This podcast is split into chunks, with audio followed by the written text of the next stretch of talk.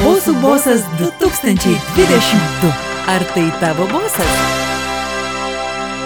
Trukdo liūdas iš radio stoties FM 99, gerbiamas Artūras Čiurlionis, Vitsgirio progymnazijos direktorius mūsų eterėje. Mes tiesioginėme eterėje, Artūrai. Oi, nesakėte, labą dieną. Labą dieną, labai trumpai, viskas tvarkoje, suprantame, kad esate užimtas žmogus, bet labai trumpai. Kolektyvas jūs pasiūlė į metų boso nominaciją ir todėl mes turime galimybę trumpai, bent jau 30 sekundžių surasti, Artūrai pakalbėti. Taip, galim, galim. Galim kalbėti, na štai, tai... Taip, va, palaukit, tuo išjungsiu kompiuterį. Aha, tai netrukdo mums kompiuteris. Artūrai, paprastas klausimas. Ką reiškia būti geru progymnazijos direktoriumi? Oi, čia labai daugelypis klausimas. Man svarbiausia, tai atrodo, kiek, manau, jeigu jau trumpai sakė 30 sekundžių turim, tai pasitikėjimas, tėvelių pasitikėjimas, darbuotojų pasitikėjimas, tavo sprendimais, ką tu darai ir, ir kur tu vedi visą kolektyvą. Tai, Aišku. tai yra svarbiausia man. Bet tokiu atveju reikia ir to grįžtamojo ryšio, kaip sakoma, ar ne?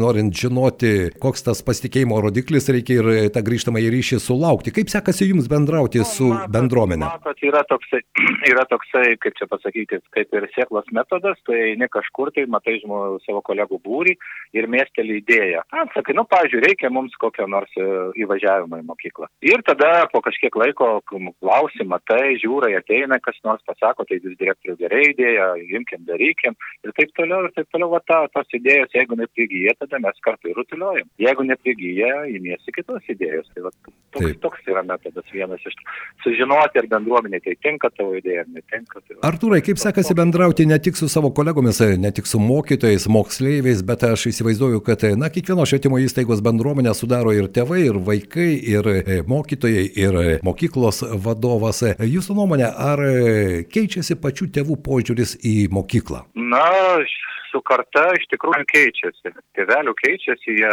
turbūt daug reiklesni, jie labiau domisi savo atžalomis ir, ir, ir daugiau daugiau klausia, daugiau dalyvauja mokyklos gyvenime, sportinėme gyvenime, va čia pas mus buvo, būna tradicinis renginys sporto visgiriada, visos kaip ir sporto olimpiada, tai daug tėvelių ateina ir, ir mokykla ir padeda ir puošia. Ir, nu, žodžiu, žodžiu, daug aktyvesni, labiau Taip. domisi, daugiau klausia, reiklesni, gal sakykime, netgi tokį žodį nepabijokim jo, nu, verčia mus pasitemti, negali.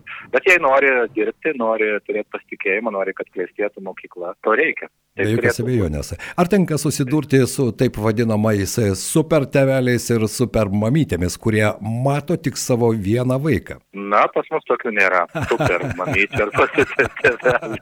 Jie visi, visi mato savo vaiką, nori geriausia ir jeigu tėvelis arba mamytė to prašo ir sako, reiškia labai gerai, reiškia domisi, vaikų nebeingas.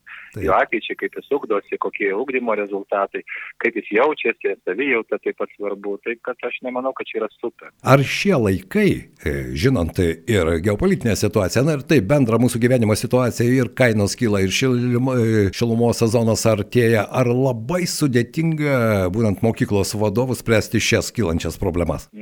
Na, žinokit, e, iššūkių labai daug. Kaip mes sakom, keli čia mūsų buvo iššūkiai ir, ir karas Ukrainoje, ir turėjom 15, 15 ukrainiečių, dabar Taip. turim 11 liko, 4 iš jų grįžo, koronaviruso valdymas, kai tu viską turi greitai apgraidom spręsti, nežinodamas kas, nes tokios praktikos nebuvo. Įtarimasis, sunkus laikotarpis buvo iš tikrųjų, kai vadovui daug iššūkių tikrai daug ir, ir ta, žinot, ir biudžetas ne, ne, negali jo semti, kiek Taip. nori, kiek, kiek tau leidžia, o kiek duotas, tu turi to išgyventi. Tai iššūkių daug, bet to stengiasi neparodyti. Vadovas, aš jau manau, jis ir turi tą visą sunkumą perdirbti, nuteikti savo kolektyvą, kad nu, kitaip nėra, kitaip nebus, gyvenimą mes patys susikūrėm, atmosferą mokykloje mes patys savo susikūrėm. Tai kaip mes sukursim ir parodysim, taip ir vaikai tai reaguos jie matys pavyzdį, jie matys, kaip saugus elgesi, kaip taip tėveliai matys ir, ir manau, manau, čia yra. Sutinku su jumis, Arturai, iš tikrųjų, ačiū Jums, kad suradote laiko, linkiu sėkmės, be jokios bejonės, sveikinu, esate nominuotas į metų boso titulą, tai irgi labai svarbu, nes, na, bendra žmogiškas dėmesys, kaip ten besakytų kai kurie, ai žinote, man tai nesvarbu, aš vis tik tikiu to, jog kiekvienam iš mūsų to šilto tikro, nesuvaidinto dėmesio iš tikrųjų kartais reikia ir tai yra puikiai motivacinė priemonė. Na, iš tikrųjų, iš tikrųjų taip, nors galėtum sakyti, kad ne, bet, bet iš tikrųjų svarbu. Svarbu pasižiūri, kad vat, įgauni, kaip tą, sakot, pasitikėjimo mandatą, kad tai neteisinga kryptim, tai, tai iš tikrųjų motivuoja. Ačiū Jums, geros dienos, dar kartą sveikinu. Ačiū Jums, kad suradote laiko. Ačiū Jums už tokį, kad organizavot viską, sėkmės Jums. Dėkui, dėkui. Iki. Mūsų pašnekovas buvo Vitsgerio progymnazijos direktorius Arturas Čiurlionis. Kągi, kiekvienas vadovas turi savo problemų ratą, be jokios abejonės. Na ir spręsdami kartu, jie, žinoma, pretenduoja ir į metų boso titulą. Bosų bosas 2022.